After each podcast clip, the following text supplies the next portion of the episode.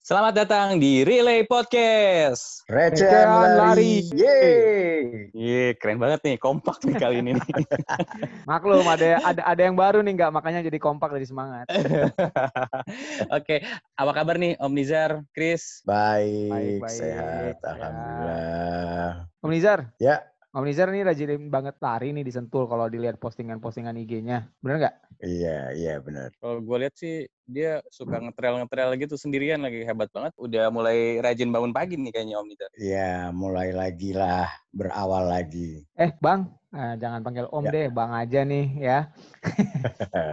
itu yang di Instastory jersinya keren banget tuh warnanya itu. Itu oh, jersinya apa itu. tuh? Cakep ya. Iya. Hmm. Mereknya itu namanya 3J. Enak nggak dipakai itu, Om? Enak banget, Ben. Jadi, jersey 3J yang gue pakai itu bahannya dry, fit polyester. Enak, adem.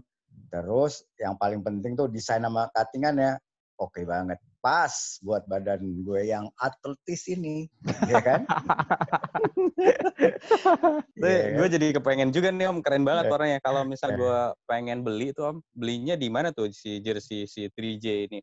itu gue banyak banyak ininya sih eh, apa source sih lu bisa kunjungin eh, 3J official shopnya di Shopee, Tokopedia juga ada. Nah di situ bukan hanya cuma buat jersey lari doang, tapi juga ada celana lari, ada topi, tas pinggang, aksesoris aksesoris lainnya deh yang biasa lu pakai-pakai gitu. Semuanya tuh asik-asik desain sama motifnya menarik banget. Lu juga bisa kunjungin Instagramnya kalau mau lihat-lihat dulu di 3J Sportswear atau di Facebook namanya juga sama 3J Sportswear. Jadi Tango, Re, Romeo, India, eh, Juliet, Eho, Eho, Sierra, Hmm. Papa, all sport ya, di sportwear lah gitu ya. Gitu. Hmm. Oh ya, 3J ini juga produk asli buatan Indonesia bos. Jadi kita mesti Hmm. bangga dong, support our local product. Wih, oke oke oke. Thank you, thank you, Bang. Ntar gue cek deh, 3J abis kita ngobrol-ngobrol nih langsung capcus gue. Hmm, Siap. ini pasti Chris pasti belanja nih abis ini nih dia nih. Yoi. Habis ngabisin duit nih. Lagi pasti Oke. lah. Thank you Om Nizar informasinya. Nah, terus kita lanjutin ya obrolan kita di episode kita kali ini ya. Kali ini kita mau bahas Ya. sesuatu yang mungkin tabu untuk dibahas dan ini juga Ya, ya. mungkin orang-orang cenderung apa ya? Kalau ngomongin hal-hal kayak gini tuh kayak kayak cuman sama-sama tahu aja gitu, tapi nggak berani untuk memblow up cerita atau tentang kisah-kisah ini.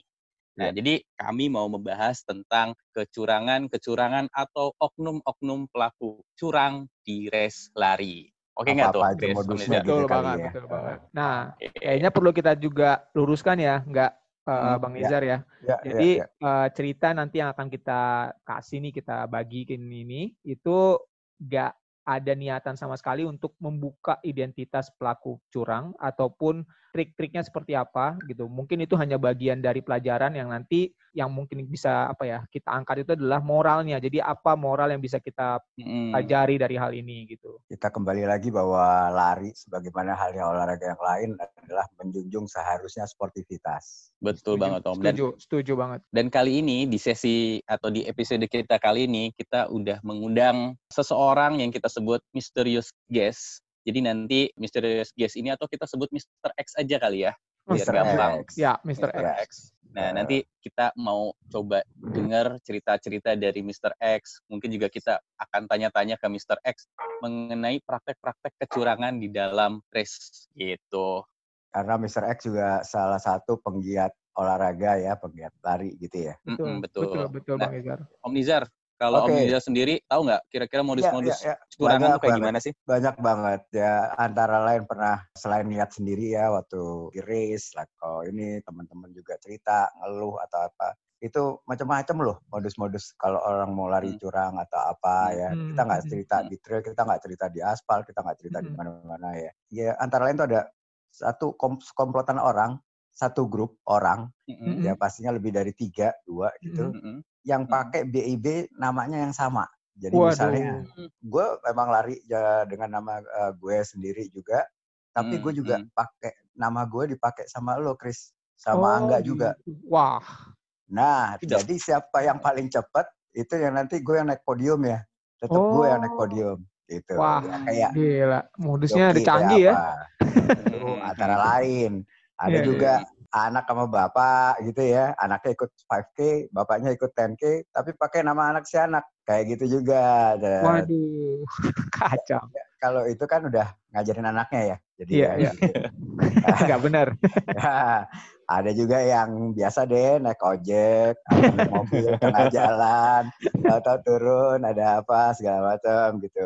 Terus eh, ada yang start duluan, ada yang Tahu-tahu Hmm. sembunyi di portable WC. Ini pernah sendiri nih gue gue ngeliat orangnya apa ya di, kilometer tengah-tengah, terus habis itu langsung keras shot- eh, keras eh, apa namanya potong jalan aja gitu. sama satu Gitu, lagi ya gitu, udah gitu. biasa yang kayak orang joki-joki segala macam jadi banyak nih macam-macam yang kita bikin kalau buat gue miris sedih gitu kalau mhm. seorang Setuju, lari setuju banget Bang Nizar. Setuju. dari kategori yang kemarin yang tadi gue bilang itu kita kepengen menjunjung sportivitas kita kepengen menjunjung enjoy dong sama larinya sama teman-teman bukannya buat nyari sesuatu lagi Ya. gitu Oh, Oke, jadi banyak banget ya modus-modus kecurangan eh, dari kita mungkin bilangnya oknum kali ya kalau orang-orang yang kayak gitu ya.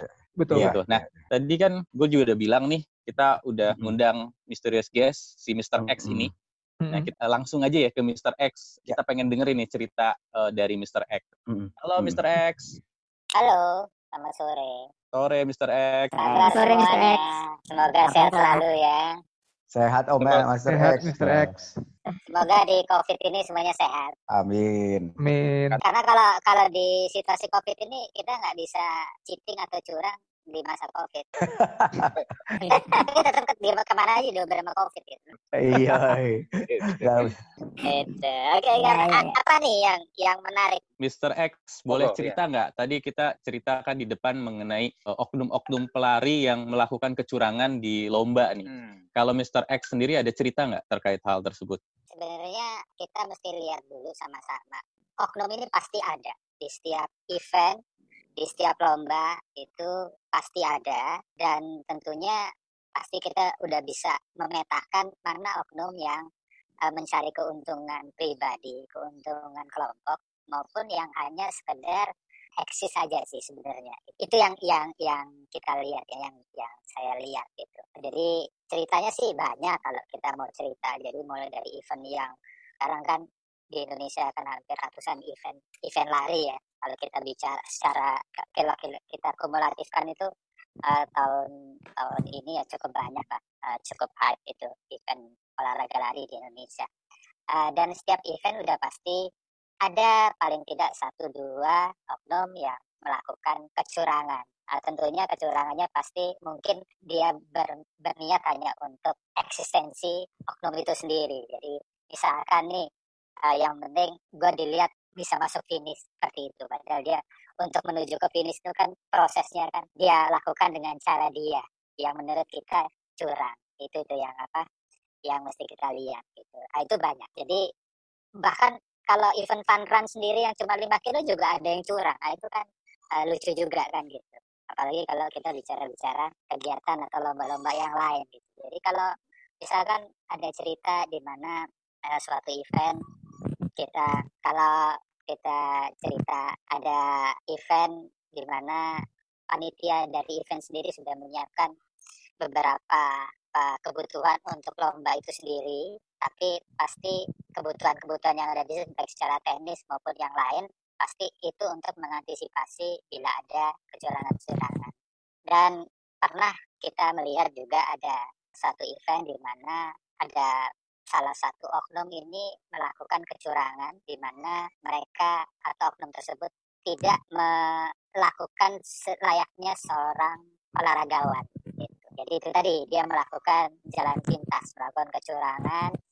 Uh, tadi mungkin di depan udah disampaikan mungkin ada yang naik mobil atau naik ojek, tapi tentunya dari cerita saya sendiri itu kebetulan oknum tersebut menggunakan alat bantu mobil itu dan itu dilakukan setelah kira-kira hampir start 3 jam atau 4 jam dari start gitu. Sebenarnya di awal sih kita udah melihat gerak-gerik oknum tersebut gitu. Yang di awal sudah mencoba untuk melanggar aturan yang ada, yang sudah ditetapkan oleh tentunya oleh panitia ya kalau hmm. kalau saya uh, lihat dari aturannya baca aturannya itu udah jelas di situ hmm. tapi uh, ternyata oknum tersebut mencoba mencoba gitu mencoba satu kali dua kali gitu. sampai uh, suatu ketika mungkin waktunya memang harus harus uh, harus stop harus ketahuan gitu oleh oleh panitia jadi saat melakukan kecurangan tersebut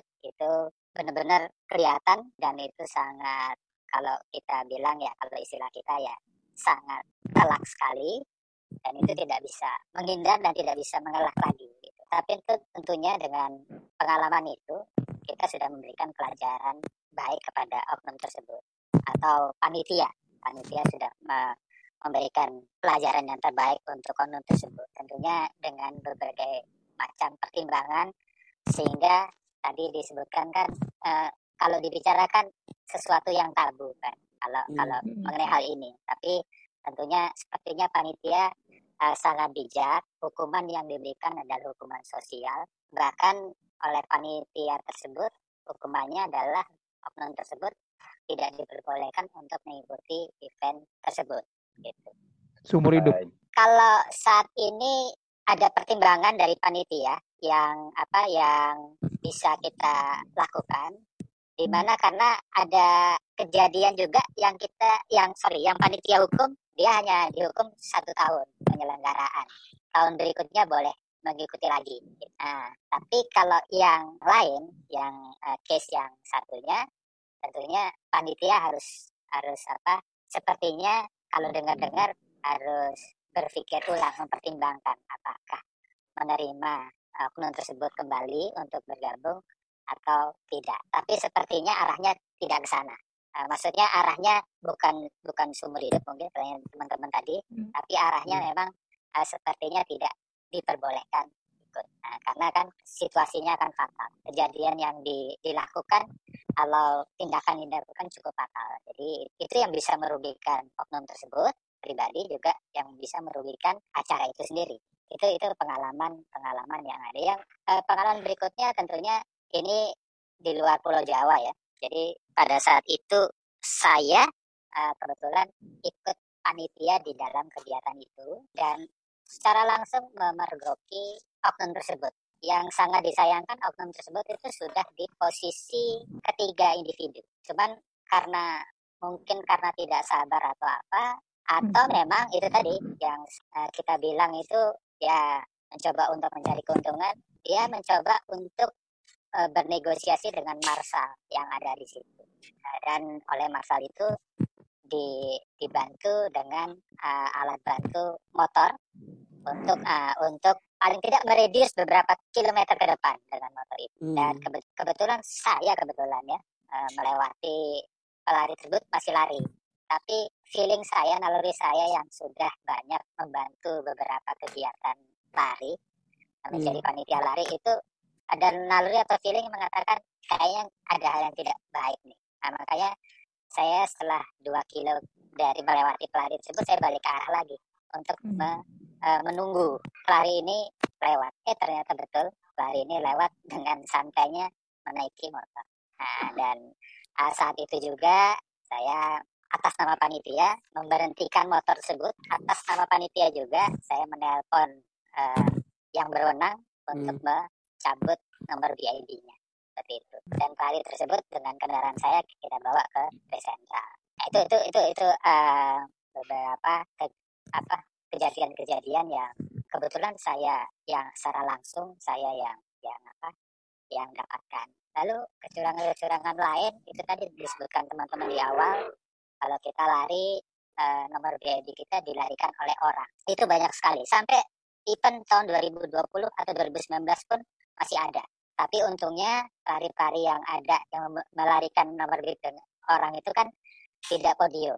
Yang bermasalah kalau mereka jadi juara.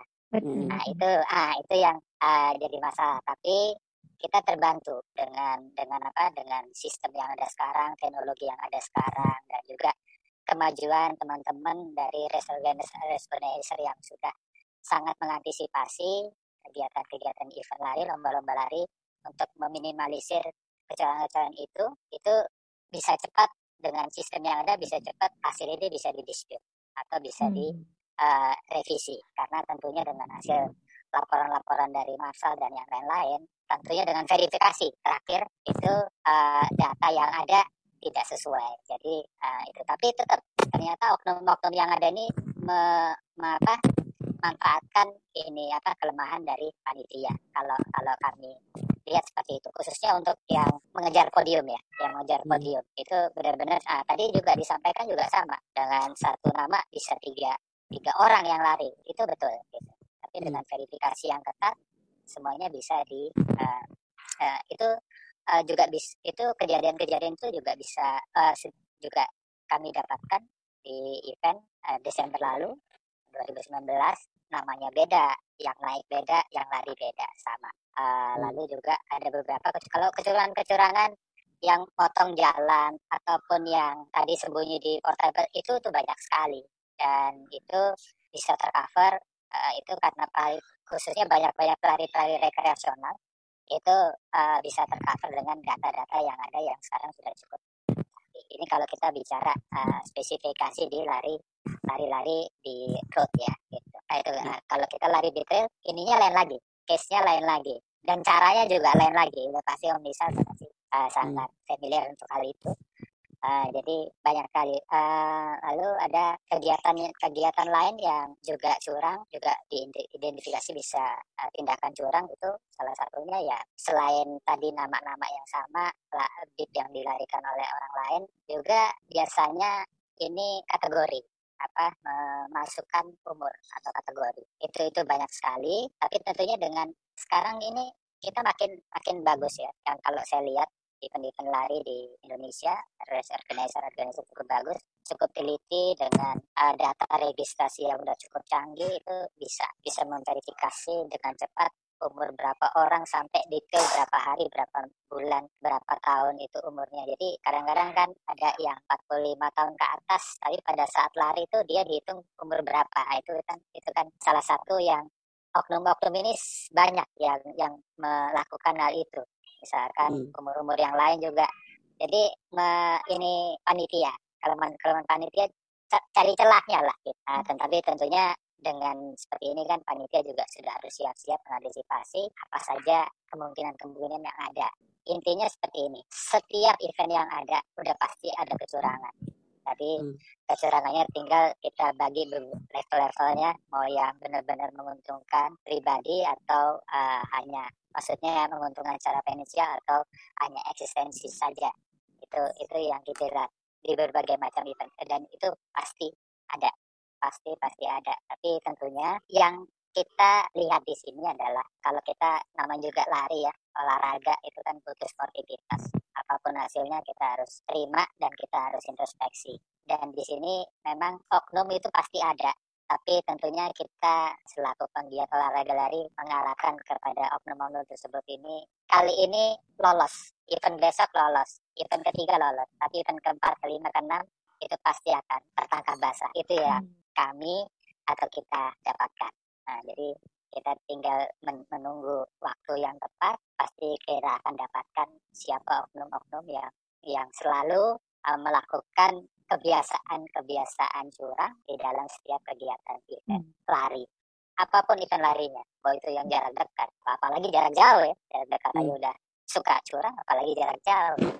Yang coveragenya juga cukup cukup sulit, cukup panjang, cukup melelahkan. Gitu. Tidak hanya pelari yang lelah, panitia juga lelah gitu. Nah itu itu juga salah satunya gitu. Gitu, anu teman-teman Terima kasih Mr. X. Wah ini menarik sekali. Tadi terdapat satu apa namanya fakta menarik ternyata uh, mudah ditemukan di berbagai event kecurangan-kecurangan ya uh, dari ya. statement Mr. X dan kemudian ya. Mr. X juga sudah menyebutkan sudah diterapkan hukuman sosial. Nah, sebenarnya kalau yang ingin kita angkat bersama yang dimaksud dengan hukuman sosial Bu supaya pendengar-pendengar kita tidak tidak salah kaprah nih, yang hmm. dihukum itu bukan orangnya, tapi yang dihukum itu adalah perbuatannya. Nah, kenapa perbuatan yang dihukum? Karena memang itu mengkhawatirkan ya Mr. X ya terhadap uh, sebagai contoh terhadap generasi-generasi muda gitu. Jadi kalau misalnya itu diperbolehkan ya itu melanggar mencoreng nilai sportivitas dari olahraga itu sendiri. Ada tanggapan lain nggak, Mr. X? Kira-kira ada kiat apa lagi nggak untuk uh, hukuman sosial ini diberlakukan agar lebih strict lagi? Karena di luar negeri katanya sampai ada yang ya. Instagram account itu khusus untuk mengekspos sampai profil orang yang melakukan pencurangan gitu supaya ada efek jerah sampai seperti itu gitu. Uh, apakah di Indonesia perlu seperti itu tuh gimana menurut uh, Mr. X? Oke, okay, terima kasih Om. Jadi awalnya memang kita akan melakukan hal itu. Jadi pada saat oknum melakukan kecurangan, itu tidak sampai satu kali 24 jam, itu sudah harus beredar di media sosial bahwa si oknum tersebut melakukan kecurangan. Dengan detail uh, namanya, segala eventnya, nama eventnya, kronologis kejadiannya itu udah kita kita rencananya begitu. Dan emang itu udah apa kesepakatan di awal.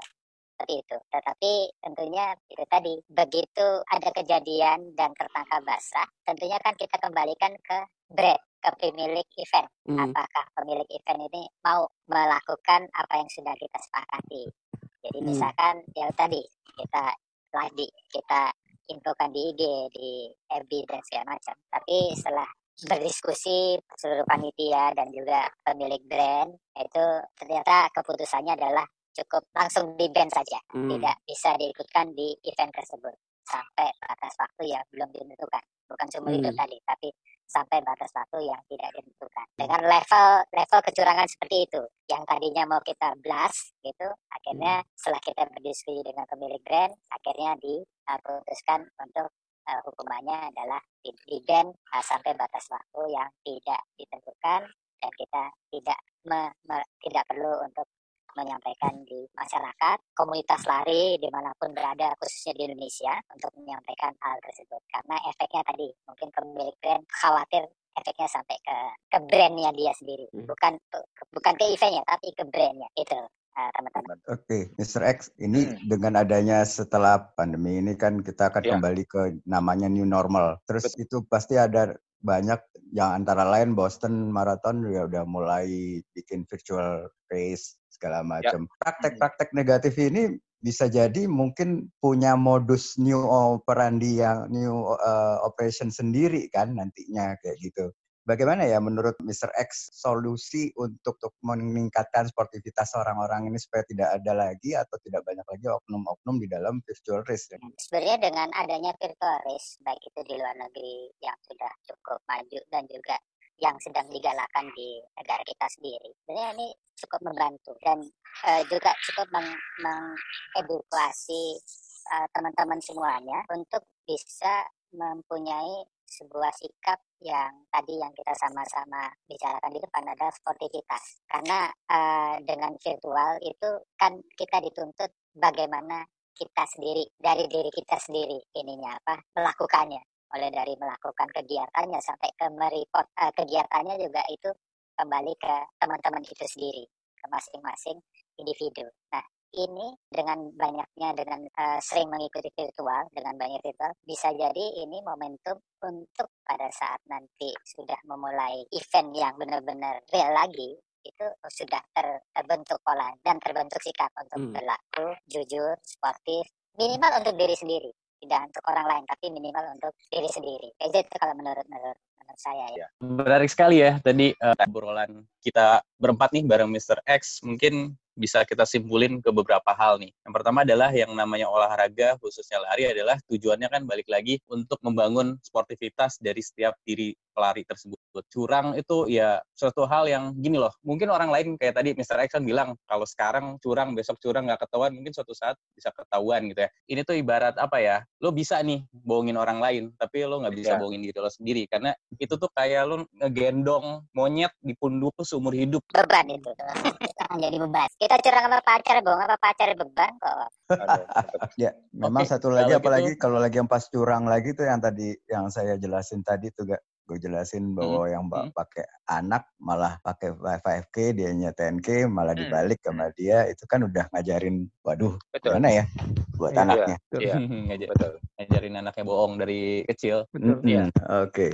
Jadi kita konklusiin, Chris, gimana? Gua lagi nih, bener. Nanti iya. jangan dimarahin yeah. gua, Bang Nizar. Enggak, enggak. Oke. okay. Jadi ya satu hal yang yang yang pengen kita baris bawahi bersama bahwa di sini yang kita ingin apa ya kita ingin ambil adalah moralnya. Jadi bukan oknumnya bukan orangnya gitu. Jadi perbuatannya. Jadi yang di sini ketika ada hukuman yang diberikan itu bukan untuk orangnya tapi Iya. untuk perbuatannya. Karena seperti yang sudah disampaikan Angga sama Mr. X tadi sama Bang Nizar juga bahwa ini kita concern nih sama anak-anak muda berikutnya. Kalau misalkan kita yang lebih senior aja udah memberikan contoh yang buruk, ini Hmm. bisa turun temurun gitu. Which is mencoreng nilai uh, objektivitas kita berlari itu sendiri, which is untuk Hmm. sportivitas. Itu sih. Mm-mm. Bang Nizar gimana bang? Ya, ya, ya, setuju. Ya itu yang tadi saya bilang dari awal juga bahwa sebenarnya lari itu kan untuk sportivitas, untuk menjunjung apa namanya nilai-nilai kejujuran, nilai kenyamanan Ya. diri sendiri, buat kesehatan, buat apa segala macam. Tapi Setuju. kalau buat ngelanggar sendiri sama aja yang tadi Angga bilang gitu loh. Selama seumur hidup lo sama teman-teman ya nggak usah lah beban moral dari teman-teman apa dari keluarga, tapi kan dari diri sendiri dulu aja. Jadi benar kata Mr. X tadi bahwa sebaiknya sih kembalilah ke jalan yang benar deh, jalan yang lurus. Soalnya gini, teman-teman semua, kalau kita di event lari ya, karena kebetulan saya juga sering diminta untuk membantu event-event lari itu, semua pesertanya itu hampir kita kenal semua. Gitu. Ah, ah. semuanya Hmm. lah gitu. Dan eh, nanti yang lain, yang kelompok ini udah naik ke level tertentu, nanti ada level yang baru, itu juga kita kenal gitu ya. Yang Hmm. notabene yang hampir setiap kegiatan kita ketemu, baik itu di event maupun di latihan-latihan biasa. Jadi kalau kita ngelihat kalau lu curang itu sayang gitu loh buat apa kan gitu ya jadi Hmm. itu tadi apa sayang ya sayang aja kalau curang gitu jadi bisa eh, efeknya ke yang lain-lain gitu jadi kembali ke diri kita masing-masing lah. Gak Oke, oke. tambahan nih Gak, biar biar lebih ngasih efek jerah lagi. Jadi Mhm, kalau mhm. misalkan sampai kita tuh niat banget dan berani untuk curang atau menipu orang lain itu kan kalau kita contoh kan menipu orang lain ya menipu banyak orang Hmm. itu sebenarnya yang lebih hina itu bukan karena kita menipu orang lain tapi yang lebih hina adalah kita menipu diri kita sendiri Ya, betul. Oke, baik kalau gitu tampaknya obrolan kita harus kita sudahi. Terima kasih Mr. X. mohon maaf kalau ada kurang-kurang salah-salah kata Thank you banyak. mantap Oke. mantap sekali Mr. X Sukses. Mr. X. sukses untuk kita semua Terima Oke, kasih. thank you. Ya. Nah, itu dia tadi para pendengar Relay Podcast obrolan kita dengan eh, narasumber yang misterius dan semoga apa yang kita obrolin pada episode kali ini menginspirasi teman-teman untuk tetap menjunjung rasa sportivitas. Jadi tadi praktek-praktek modus kecurangan itu tujuannya bukan memotivasi teman-teman untuk melakukan hal itu juga gitu ya. Karena benar nanti benar kita kita udah kasih tahu tuh trik-triknya gitu. Nah intinya gini, intinya saya sih eh, mungkin kami bertiga mau bilang ya, kalau misalnya teman-teman nih yang dengerin relay podcast ada yang curang atau misalnya curang pas lari, gimana tuh? Udah. Kalau malu curang- dong malu dong, ya kan? Eh, diulang Itu- lagi boleh. kita biasa nggak kompak ya Oke, kita ulang ya. Oke, curang pas lari. Malu, Malu dong. dong.